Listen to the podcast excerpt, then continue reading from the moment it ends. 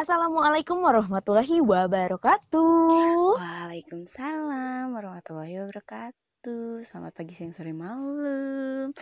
Balik lagi nih sama kita di Ruang Guru Gacor.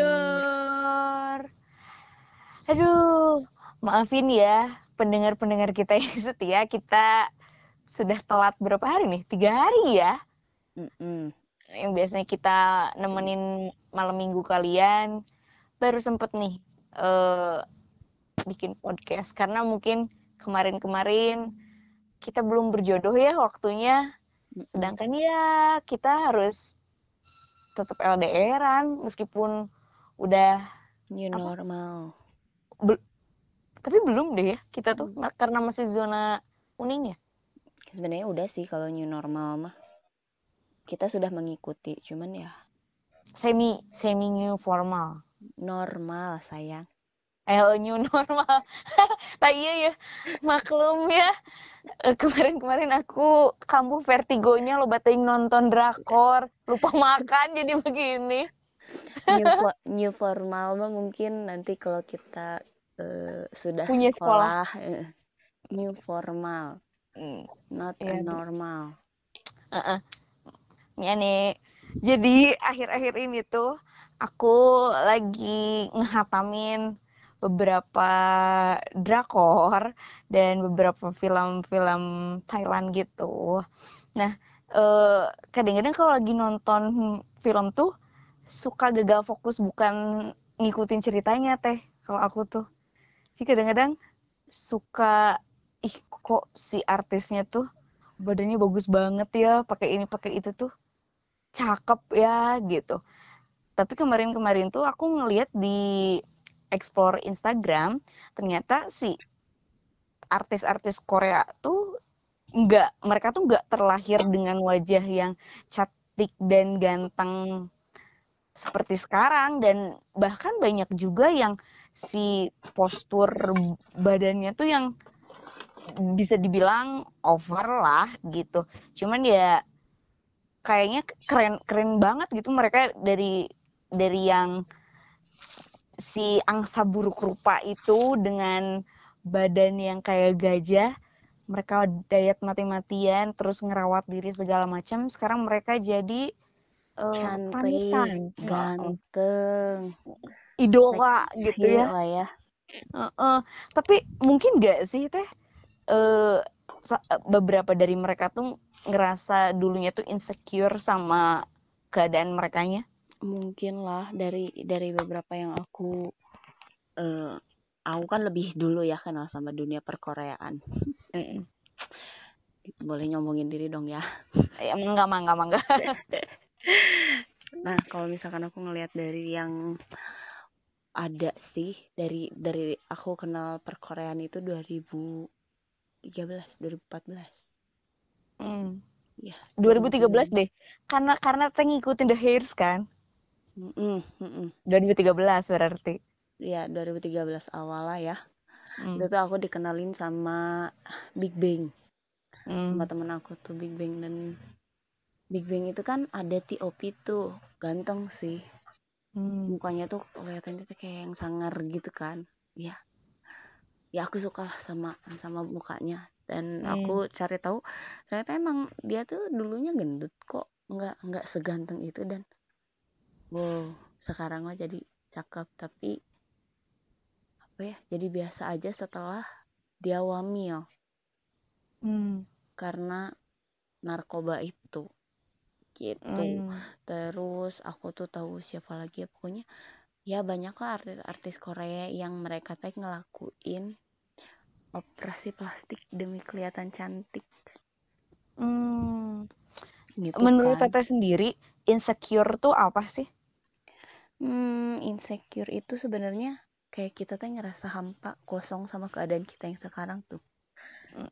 kayak gitu sih menurut tidak aku. mensyukuri dengan Mm-mm. keadaan kita yang sekarang gitu. Ya kurang bersyukur sebenarnya Maya terus Hmm. dari situ teh yang karena kita kurang bersyukur jadi kita tidak memperhatikan diri kita sendiri sampai akhirnya ya orang-orang teh mengunderestimatekan kita gitu aku sih mikirnya kayak gitu padahal uh, setiap manusia itu fitrahnya memiliki kelemahan dan kelebihan masing-masing sih ya. Mm-hmm. Cuman tinggal pinter-pinternya kita nge-manage diri kita. Kita uh, tutupi kekurangan kita dengan memunculkan kelebihan-kelebihan kita ke, di depan orang lain lah ya. Mungkin yeah. harus seperti itu sih gitu. Gak mesti juga harus merubah semua kekurangan kita mm-hmm. untuk menjadi lebih baik karena kalau misalnya kita merasa kita selalu kurang kurang dan kurang nggak akan pernah puas sih ya iya makanya kayak siapa tadi tuh yang idola teteh teh Tiopi dia di, dia asalnya gendut terus tiba-tiba jadi kurus dia dapat popularitas dia masih tetap insecure makanya dia masih pakai narko jadi pakai narkoba gitu ya. Sebenarnya kalau dari beritanya mah bukan karena dia emang pengen pakai narkoba sih tapi karena ceweknya. Itu ke bawah-bawah gitu. mm, tapi malah sekarang dia jatuhnya jadi kayak dia tuh uh, benci sama netizen tuh. Kelihatannya tuh kayak yang nggak uh, mau untuk apa jadi artis Korea lagi dia lebih milih hmm. di luar daripada di Korea karena uh, apa netizen netizen Korea atau fans fans Korea yang fans fanatiknya terutama yang apa sesayangnya itu tuh kejam-kejam katanya gitu hmm, terlalu mengekspos kehidupan pribadinya mungkin ya Mm-mm. coba di Indonesia ya bukan udah kena narkoba pemerkosaan pembunuhan. Istis baik? istis baik. Ya ganteng mah ganteng we gitu.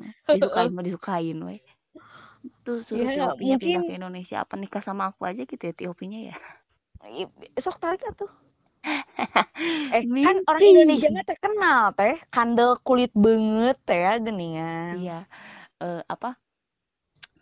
Uh, rakyat tersantuy uh, uh, gitu meskipun meskipun ya sudah pernah tersandung kayak skandal atau kasus kriminal yang ya sebenarnya harusnya ketika udah ke expose ya dia cukup tahu diri untuk malu dan tidak untuk tampil lagi di depan umum. Tapi kayak aku ngelihat Cutari gitu ya terus Luna Maya masih cek okay. aja ya.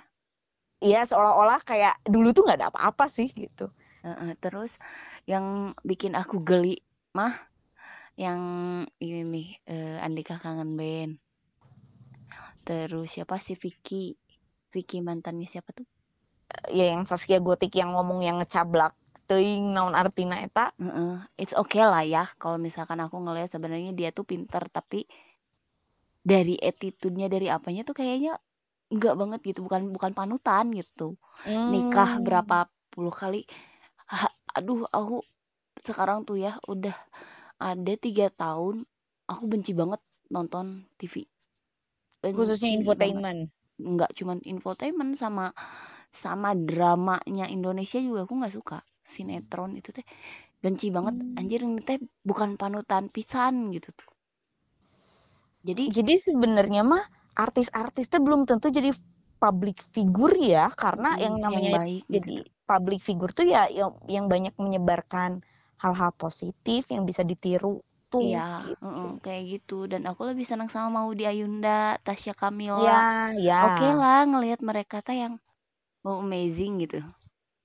Wah aku pengen, pengen nih punya anak kayak gitu. Aku pengen nih cuman pendidikannya gimana ya? Mereka gimana ya apa apa karena uang apa karena apa? Aku tuh mikirnya itu ke situ. Hmm. tapi nggak harus dari uang kita bisa kok merubah diri kita sendiri. Yang oke okay lah uh, lihat dari diri aku sendiri aja ya.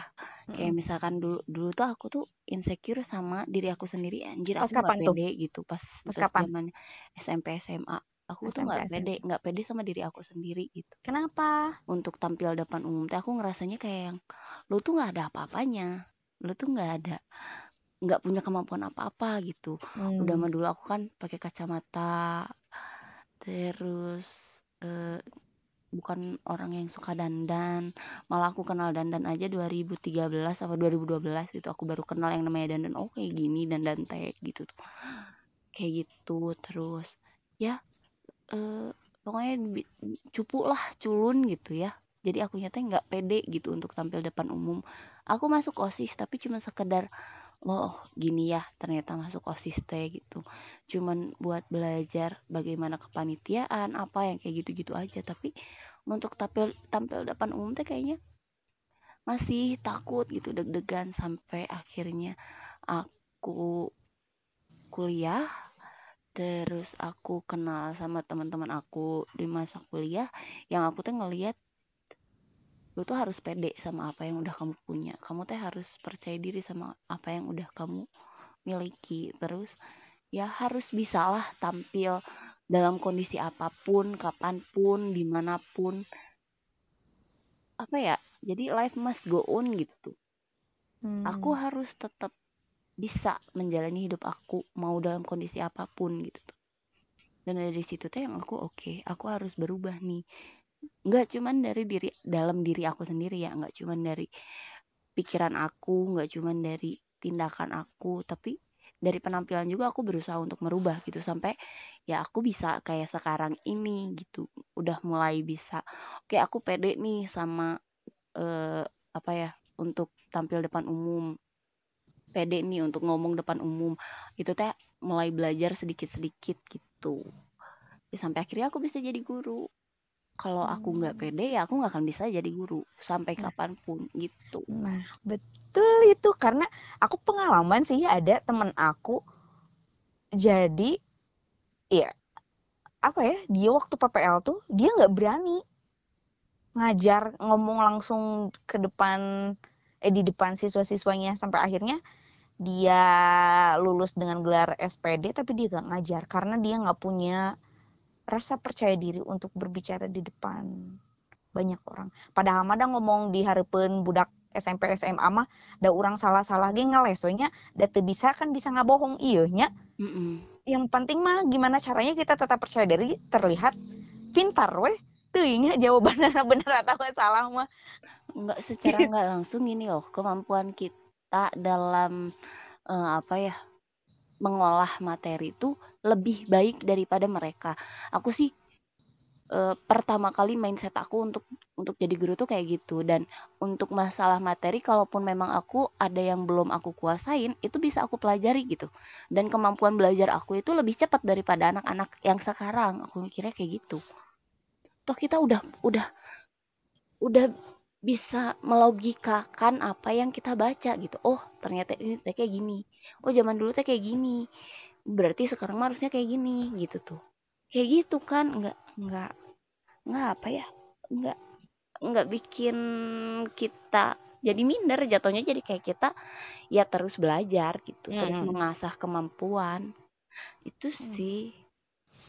Kalau cerita aku dulu ngalamin in insecure tuh pas SMP teh.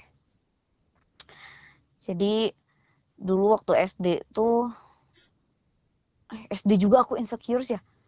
Kayaknya teh aku mah aku menjadi diri aku sendiri teh SMA ke sini dah. Dari SD sampai SMP mah aku merasa tertekan. Aku tuh bukan apa-apa, bukan siapa-siapa dan nggak punya apa pun untuk dibanggakan gitu jadi waktu kelas 1 aku sekolah deket rumah terus uh, ada beberapa konflik akhirnya aku pindahlah ke sekolah yang uh, lebih elit sedikit gitu dan ya aku mah ngerasa ya aku orang biasa-biasa aja tapi teman-teman aku orang tuanya yang kerja wow, di sini gitu lah, ya. punya inilah, bisa inilah, bisa itulah. Bahkan kelas 5 SD aja teman-teman aku tuh udah bawa handphone lah gitu. Ya aku mah cuma bisa wow, mereka keren gitu. Aku nggak punya apa-apa.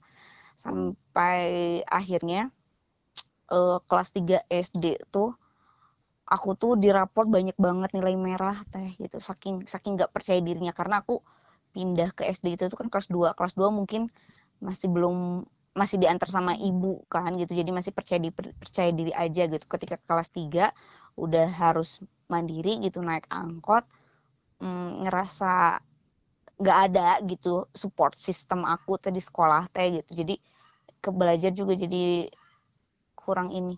Sebentar ya. Iklan dulu ya guys. Biasanya lagi panggil. Apa? Iklan dulu. Ya maaf ya. Gitu biasalah. Terus lanjut lagi ya. Iklan ini disponsori oleh terus eh, sampai banyak nilai merah makinlah tuh oh, orang-orang keren-keren tuh nggak mau temenan lah sama anak yang cupu bodoh dan segala macam jadi eh, udah hukum alam deh kayaknya ya di, di tiap sekolah di jenjang mana pun ketika yang beken sama yang beken lagi yang cerdas sama yang cerdas lagi yang terbuang berkumpullah Sama dengan yang terbuang lagi Heeh. gitu. Nah, sampai akhirnya kelas 4 SD aku mikir eh, karena setiap bagi rapor tuh aku selalu dibandingin sama sepupu aku kan teh gitu. Sepupu aku lebih lebih bagus wae nilainya. Nenek aku bangga banget gitu sama dia. Kapan aku dibanggain sama nenek aku? Mikir lah dari situ. Akhirnya dari kelas 4 sampai kelas 6 SD aku ranking terus SMP. Nah, dari situ barulah si kalangan-kalangan keren-keren itu teh Mau, mau main sama kamu. berteman. Iya, begitu. Tapi tetap masih ada rasa gak pede gitu. Dan sampai akhirnya aku SMP, masuklah SMP dengan detail klaster 1 di Kota Bandung zamannya. Di situ lebih edan lagi teh. Dari tiap-tiap SD orang-orang keren tuh, orang-orang dengan banyak talenta tuh ngumpul semua di situ.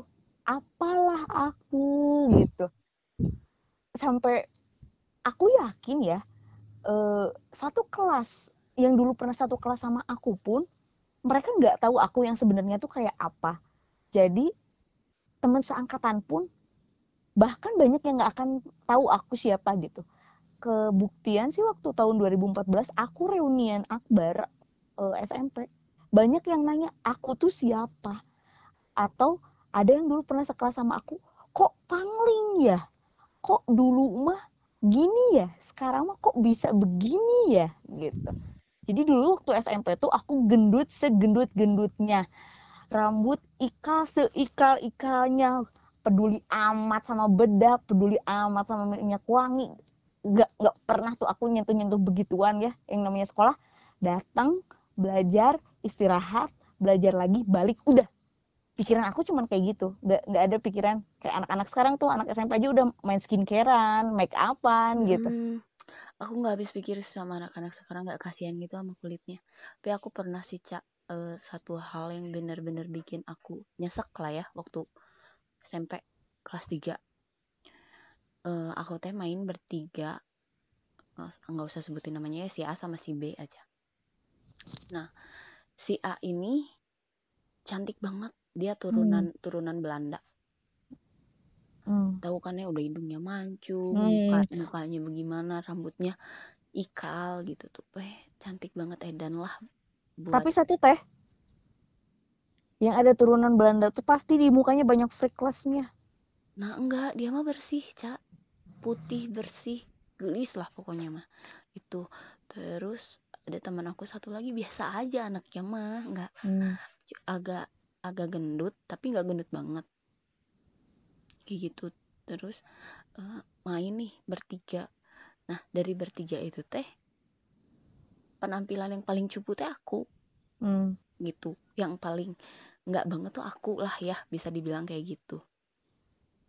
Eh, sampai teman aku yang biasa aja ini teh bilang gini ke aku yang cantik tuh yang turunan Belanda tapi kenapa si cowok-cowok teh banyak pengen kenalannya sama aku. Aku digituin. Itu teh yang bener-bener apa ya tek- anjir gitu tuh. Temen aku sendiri sampai ngomong kayak gitu teteh dari kelas 1 kita teh bareng. Aku diomongin kayak gitu teteh kelas 3 SMP yang bener-bener aku teh oke lah aku nggak ngomong ke dia kalau aku sakit hati dengan omongannya dia tapi seenggaknya oke aku teh udah nganggap yang yang dua itu teh temen-temen aku yang baik banget lah istilahnya ke aku ketika di sekolah. Dan mereka teh nggak mikir kalau aku teh anak guru nggak nggak mikirin ke situ. Tapi ketika aku diomongin kayak gitu teh itu benar-benar jadi kayak yang aku bisa lebih baik daripada apa yang kamu pikirin gitu. Hmm. itu sih yang benar-benar bikin bikin apa ya bikin aku lebih berpacu. Dan ketika SMA itu aku satu satu sekolah sama yang turunan Belanda ini. Sampai dia teh suka sama sama si Rega. Oh astagfirullahaladzim. Dia suka sama si Rega. Si Reganya nggak mau. Si Reganya anjir orang lebih lebih milih aku gitu daripada si itu. Sekata aku teh aku nggak mau eh ngancurin hubungan aku sama dia meskipun oke okay, zaman dulu Rega tuh ganteng banget tuh. Zaman dulu Rega tuh ganteng banget. Dan aku tuh ngomong ke Rega aku mah nggak mau gitu sama kamu. Aku tuh lebih ngargain si itu. Dan ternyata si yang cewek Belanda ini cewek Belanda turunan Belanda ini sama teman-teman sekelasnya karena kita beda kelas yang maki-maki aku.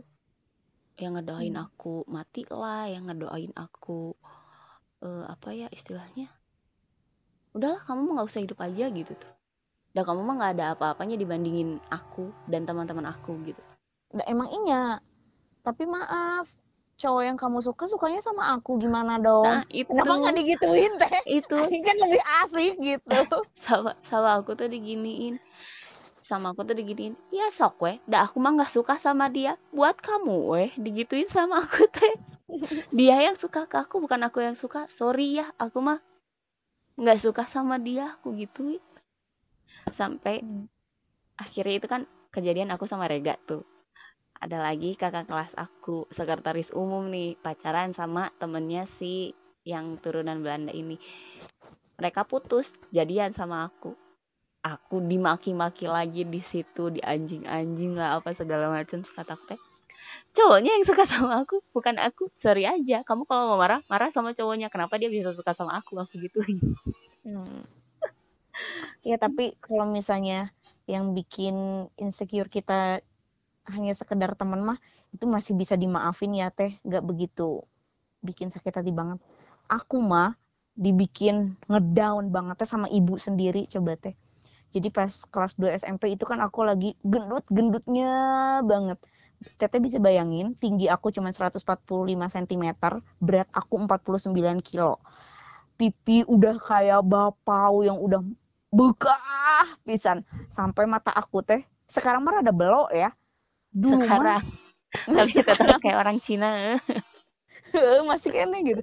Apalagi dulu aku pas SMP kayaknya dibilang bener Cina tuh Cina pisan karena mata aku tuh udah jadi apa ya kayak ketarik kesipit aja gitu gara-gara pipi yang kegedean gitu terus double chin tuh double chin pisan ketika aku ngelihat foto aku waktu SMP el gitu kayak aku dulu bisa gitu ya hidup kayak begini penampilan gitu sampai sekarang aja aku malu sih ya sebenarnya mah Gak pede banget. Tapi harus Di bersyukur, Ca, dengan kita kayak gitu, kita bisa jadi yang sekarang. Iya sih. Cuman pas uh, nah pas waktu kelas 2 SMP itu tuh jadi dulu ada ko koran Galamedia gitu cari model-model gitu kan. Nah, sepupu aku tuh memang dia fotogenik, badannya yang masih kecil lah gitu. Dia sama aku dia kelas beda 8 tahun lah sama aku tuh emang dia disupport banget sama orang tuanya ikut modeling-modeling kayak gitu terus si tante aku tuh uh, ngajakin saya ikutan dong gini gini gini gini gini terus aku udah iya bu ikutan siapa tahu uh, memang jalannya dari situ gitu kak aku terus ibu aku bilang apa coba? Ah males tuh yang cina nanti kalau pemotretan kayak gini kan harus beli baju baru nih cina uh, dulu tuh aku dari kelas dari SMP kelas 1 tuh nggak pernah dibeliin celana jeans sama ibu. Karena apa? Karena ibu tuh selalu percaya bahwa aku tuh tiap tahunnya si ukuran pinggang teh selalu membesar gitu teh. Pasti nggak akan kepake lama kalau jeans. Jadi mending si celana kayak kayak sekarang model-model jogger gitu kan bahannya karet jadi hmm. merah gitu mau mau lu tambah gendut kayak masih bisa muat gitu. Kalau jeans eh enggak lah gitu. Dulu kan belum zamannya jeans yang stretch gitu kan ya, zaman ya, 2000 ini ya ya uh, gitu. Itu aku ya Allah sakit hati banget. Liatin ya bu. Liatin aja. Kalau aku udah bisa jadi model liatin ibu bakal nangis. Aku aku sampai kayak gitu dong.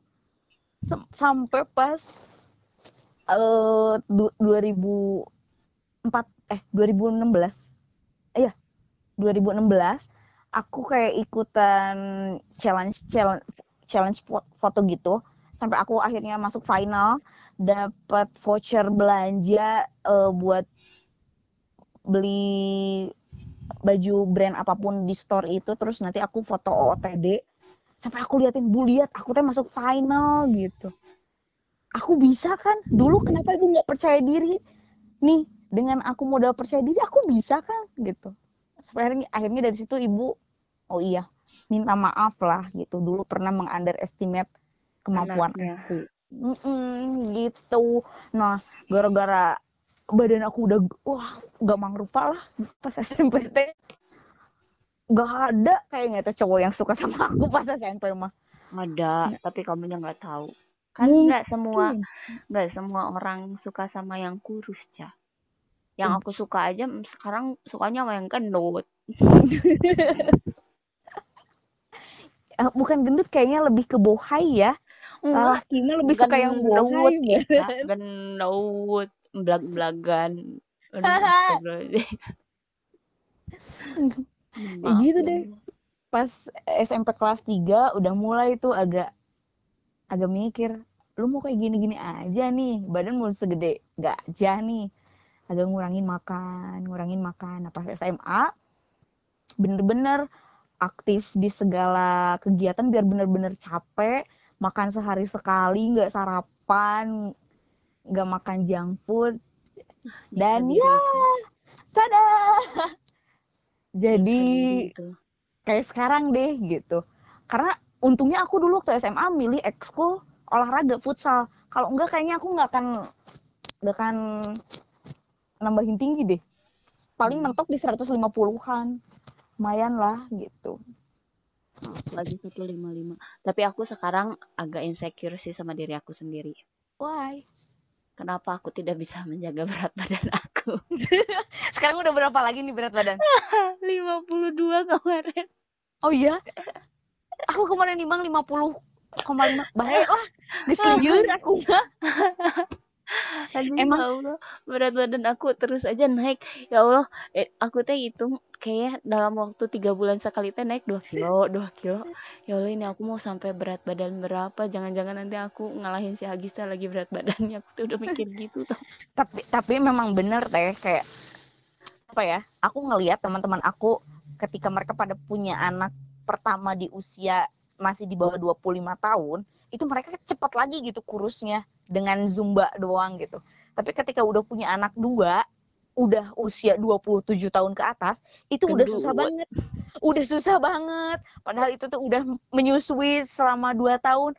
Tetap aja masih susah gitu. Nah, aku mikir ya aku udah mau 27 tahun ya belum ngelahirin nanti habis ngelahirin aku bakal badan segede apa coba kalau misal berarti aku hamil harus jaga makanan pisan ya biar enggak Enggak, jangan Ica. Kalau lagi enggak enggak hamil gede mah, banget gitu tapi gini Ca, eh, apa aku teh dapat pengalaman da- dapat pengalaman dapat cerita lah ya dari yang sudah senior senior nih kayak yang Hmm. seumuran si mama bilangnya teh gini kamu nggak usah nggak usah sedih di umur kamu yang mau 30 tahun itu pokoknya dari umur 27 sampai 32 33-an berat badan kamu naik drastis. Teh kamu jangan sedih karena nanti ketika kamu setelah 33 tahun ke sininya mah pasti bakalan kurus lagi. Kalau memang Kenapa tuh? dasarnya kamu kurus katanya Oh. gitu.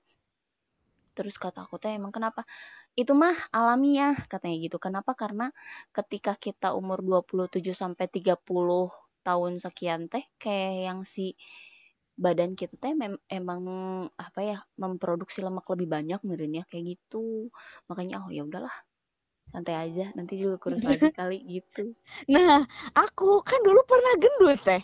Kalau misalnya sekarang kurus terus nanti gemuk lagi apakah akan bisa kurus lagi? Kan aku udah kasih tahu cak sebenarnya kuncinya satu sih kalau kita mau ngejaga badan makan yang teratur itu sih. Kalau misalkan kita makan yang gak teratur mah susah. Buat jaga berat badan teh kayak aku nih sekarang nggak makan teh nggak teratur ya. Kadang kadang mau makan ini makan ini dan aku udah lima harian meren setiap hari teh makannya daging sapi. Ya naon minimal sekali itu teh. Kayak kayak kemarin nih hari Sabtu aku sama Ade Verdi itu makan rendang. Hari Minggunya aku makan apa ya? Pokoknya itu teh daging sapi lagi hari sen oh iya hari minggunya aku beli gokana daging sapi lagi. Eh bukan gokana mu juga ya terus kemarin itu aku beli sate. Nggak tahu nih hari ini aku apa. Gitu. Steak.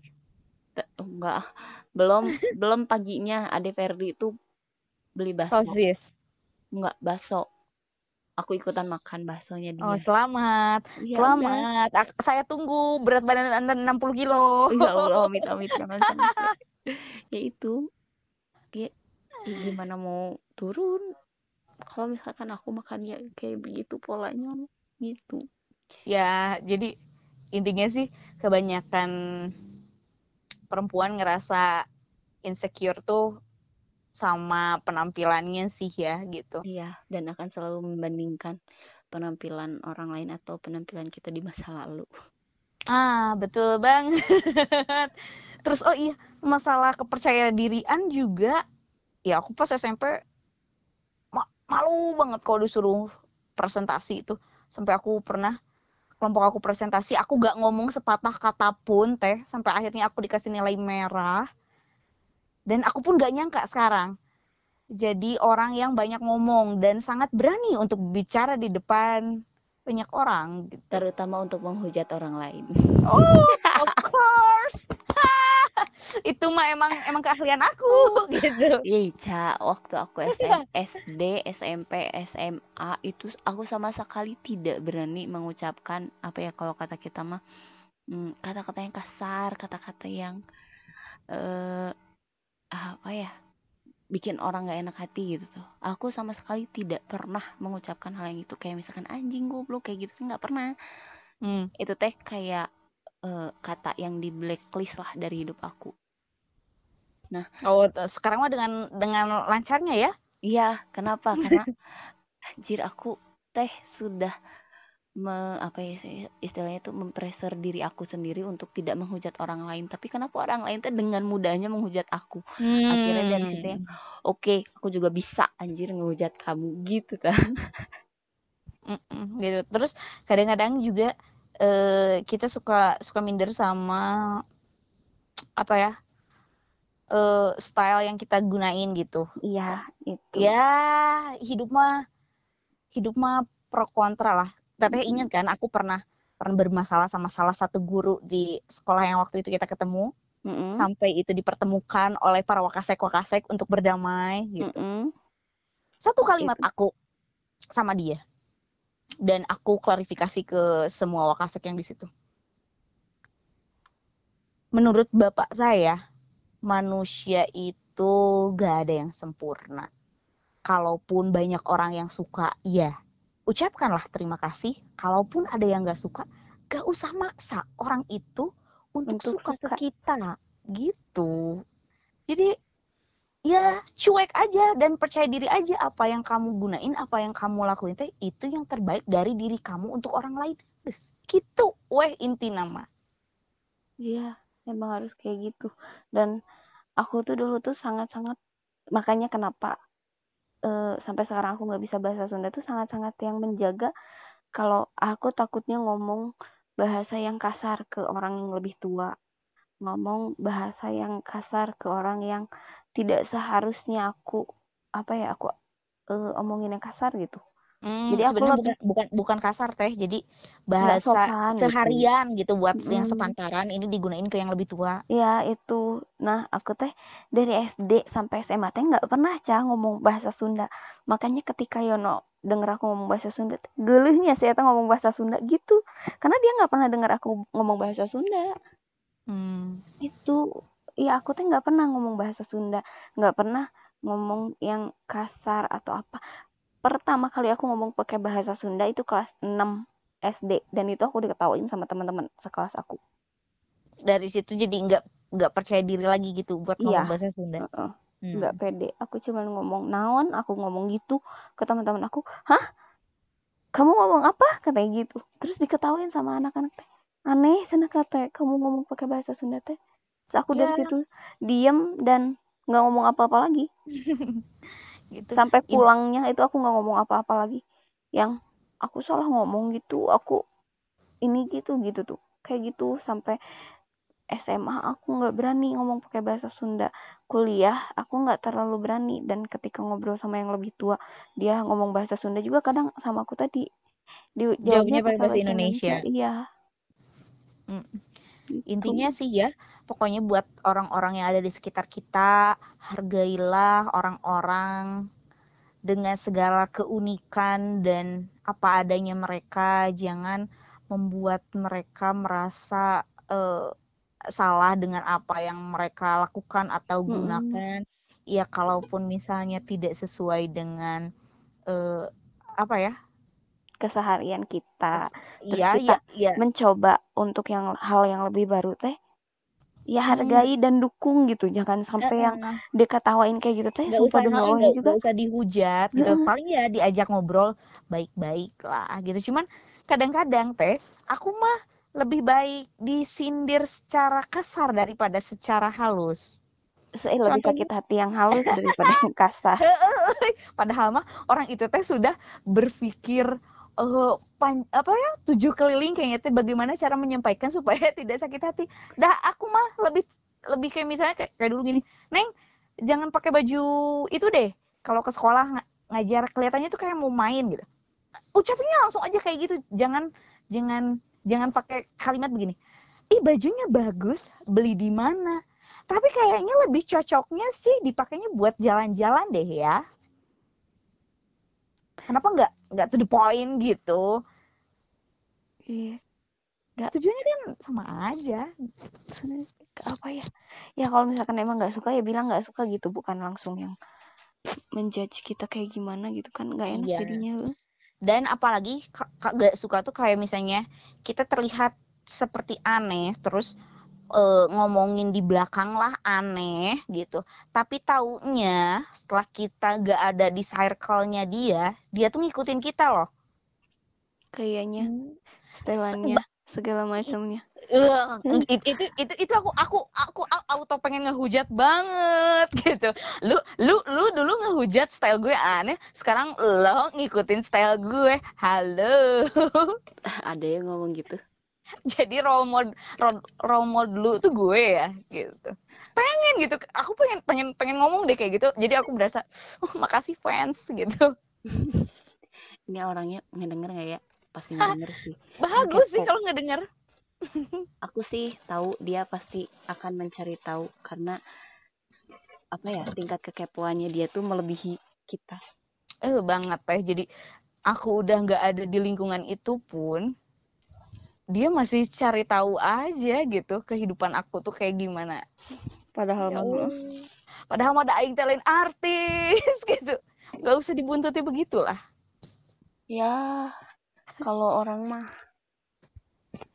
susah sih kita larang-larang juga Hmm, gitu. Makanya aku kayak kayak apa ya? Ketika artis punya haters sama fans, eh, bener sih bi- bijak banget. Banyak yang bilang haters tuh fans yang tersembunyi sebenarnya. Kenapa sih nggak nggak ngaku aja kalau memang suka dan memang mengidolakan? Kenapa harus menjelek-jelekan dia untuk mencari informasi sebanyak-banyaknya tentang dia? Suka nggak habis pikir gitu ya Mm, pada kalau- itu tuh yang membahayakan eh, orang lain bisa aja dia gara-gara haters dia jadi stres depresi sampai akhirnya bunuh diri kan gitu kan itu mau mengusik mengusik kehidupan orang lain nggak nggak etis banget lah gitu padahal mah ya udah kita juga kalau misalkan dia mau deket atau mau apa bakalan open ya nggak akan Mm-mm. kayak kalau kita kalau misalkan ngehujat ya langsung ngehujat aku sering kan kayak gitu ke kamu kamu kayak ini kamu kayak itu gitu kan ya cuek-cuek Hmm. aja heh. Paduli bagong ndak orang iya nu makena gitu we. paling nanti kita apa kurangnya apa ininya apa yang anehnya kayak gitu doang kan terus Mm-mm. akhirnya kita minimalisir lah hal itu gitu kan Mm-mm. gitu ya Terus- orang-orang tidak ada yang berpikiran seperti itu seperti Heeh, terus kayak kayak aku lebih lebih terbuka kayak waktu itu si si Hani itu waktu awal-awal masuk BPI 2 kayak eh Cak gimana sih pakai kerudung kayak gitu tuh? Aku lebih seneng orang yang minta ajarin aku kayak gimana daripada dia seolah-olah menunjukkan ketidaksukaannya sama aku tapi di belakang ternyata dia tuh ngikutin. ngikutin memperhatikan gitu kayak gimana. Apa ya ada aku juga tidak akan meletakkan dia di bawah aku derajatnya ka- kalaupun dia memang suka gitu sama aku udah ya semua manusia itu sama gitu. aku juga dulu pernah ada di bawah gitu. Aku juga dulu pernah pernah ya sirik itu sama orang lain tapi dia tidak menunjukkan aku teh sirik ya aku tunjukkan gitu. weh jadi diri sendiri aja ha? jadi diri sendiri aja udah liur apalagi ngikutin orang lain ngikutin batur gitu hmm. aku Iya. pernah pernah nanya ke kamu teh kamu nggak nggak ribet gitu punya kerudung kayak gitu kamu gitu Oh, anu dibelat-belit. oh, itu zaman zaman zamannya awal eh awal kita ketemu ya. iya aku nanya gitu kamu nggak ribet itu punya kerudung kayak gitu enggak cuek aja oh oh aku sih Enggak, aku kemarin tuh baru ngebahas sama si Syahrani. Dulu style kerudung aku tuh kayak gini sebenarnya. Pertama, karena aku malasnya trika, kedua karena aku ya ya udah wes asal nempel lah di kepala gitu kerudung teh gitu. Tapi orang lain mah ngeliatnya tuh kayak rudet gitu, riweh cara makin teh. Henteu dah gitu. Lu asal kan aku aja begitu. Nggak ridu gitu kalau lagi nunduk atau apa gitu. Kerudungnya depan muka. Ya ya aku mah jadi jadi bahan ketawaan buat diri aku sendiri aja ya Allah cuman kayak gitu doang jatuhnya. Tapi ya udah bagus sih tapi nggak ridu gitu tah. Itu doang ya gitulah. Semua orang itu bisa mengekspresikan dirinya dengan berbagai macam. Intinya hargai dan ya lu kalau nggak suka nggak usah ngehujat. Kalau suka ya ikutin aja. Gitulah ya. Ya kalaupun mau menghujat depan orangnya lah ya. Eh man to man lah. Eh, langsung Hmm. langsung komen depan orangnya lah. Eh eh, kalau gitu. misalkan kalau misalkan nggak suka juga bukan nggak suka ya kayak misalkan ada sesuatu hal yang pengen diomongin tuh langsung omongin depan orangnya. Tapi jangan sarkas juga. Kecuali kalau misalnya udah udah akrab kayak kita. Heeh. kayak kayak kita ke si Nora apaan sih? Kayak begitu? gitu ya. Iya. atau dia juga gitu ke kita. Bye weh gitu kan. Ujung-ujungnya pasti begitu mau weh. apa pun juga. Kuma orang we orang nu make gitu. Bener. Tapi aku mah sekarang yakin teh kalau aku keluar rumah ibu udah eh komplain kok tampilan aku kayak gini udah. Di luar di luar rumah tuh pasti banyak yang ngomongin aku ah pasti banyak yang ngomongin aku aneh juga gitu. Makanya kadang-kadang aku liatin dulu sama ibu udah cocok kayak begini barulah aku pergi gitu. Kalau enggak mah ya kadang-kadang ganti lagi. Iya. ganti lagi lah baju banyak ini gitu. Baju banyak digantung eh, sampai dua dua lemari. Kita puyeng. Tah eta loba baju lieur teu saeutik baju nya lieur oge gitu. Ya da, tetap aja kamu mah sebanyak apa pun bajunya pasti bakalan bilang aku teh nggak ada baju teh. Dan buat datang ke sini teh nggak ada baju teh. Ini juga dapat milih gitu tah. Kemarin aja aku hampir mau beli baju lagi kalau Kalau nggak- mempertimbangkan ini dan itunya mah kayaknya aku nambah lagi deh gantungan gitu aku aku aja ini sepatu beli sepatu lagi tuh udah di komen loh sama Iman. Beli sepatu lagi. Beli berapa? Cenah, kamu tuh udah banyak sepatu teh aku nggak punya nggak punya sepatu ngajar aku tuh bilang gitu. Dan yang datang ini mah bukan sepatu buat ngajar.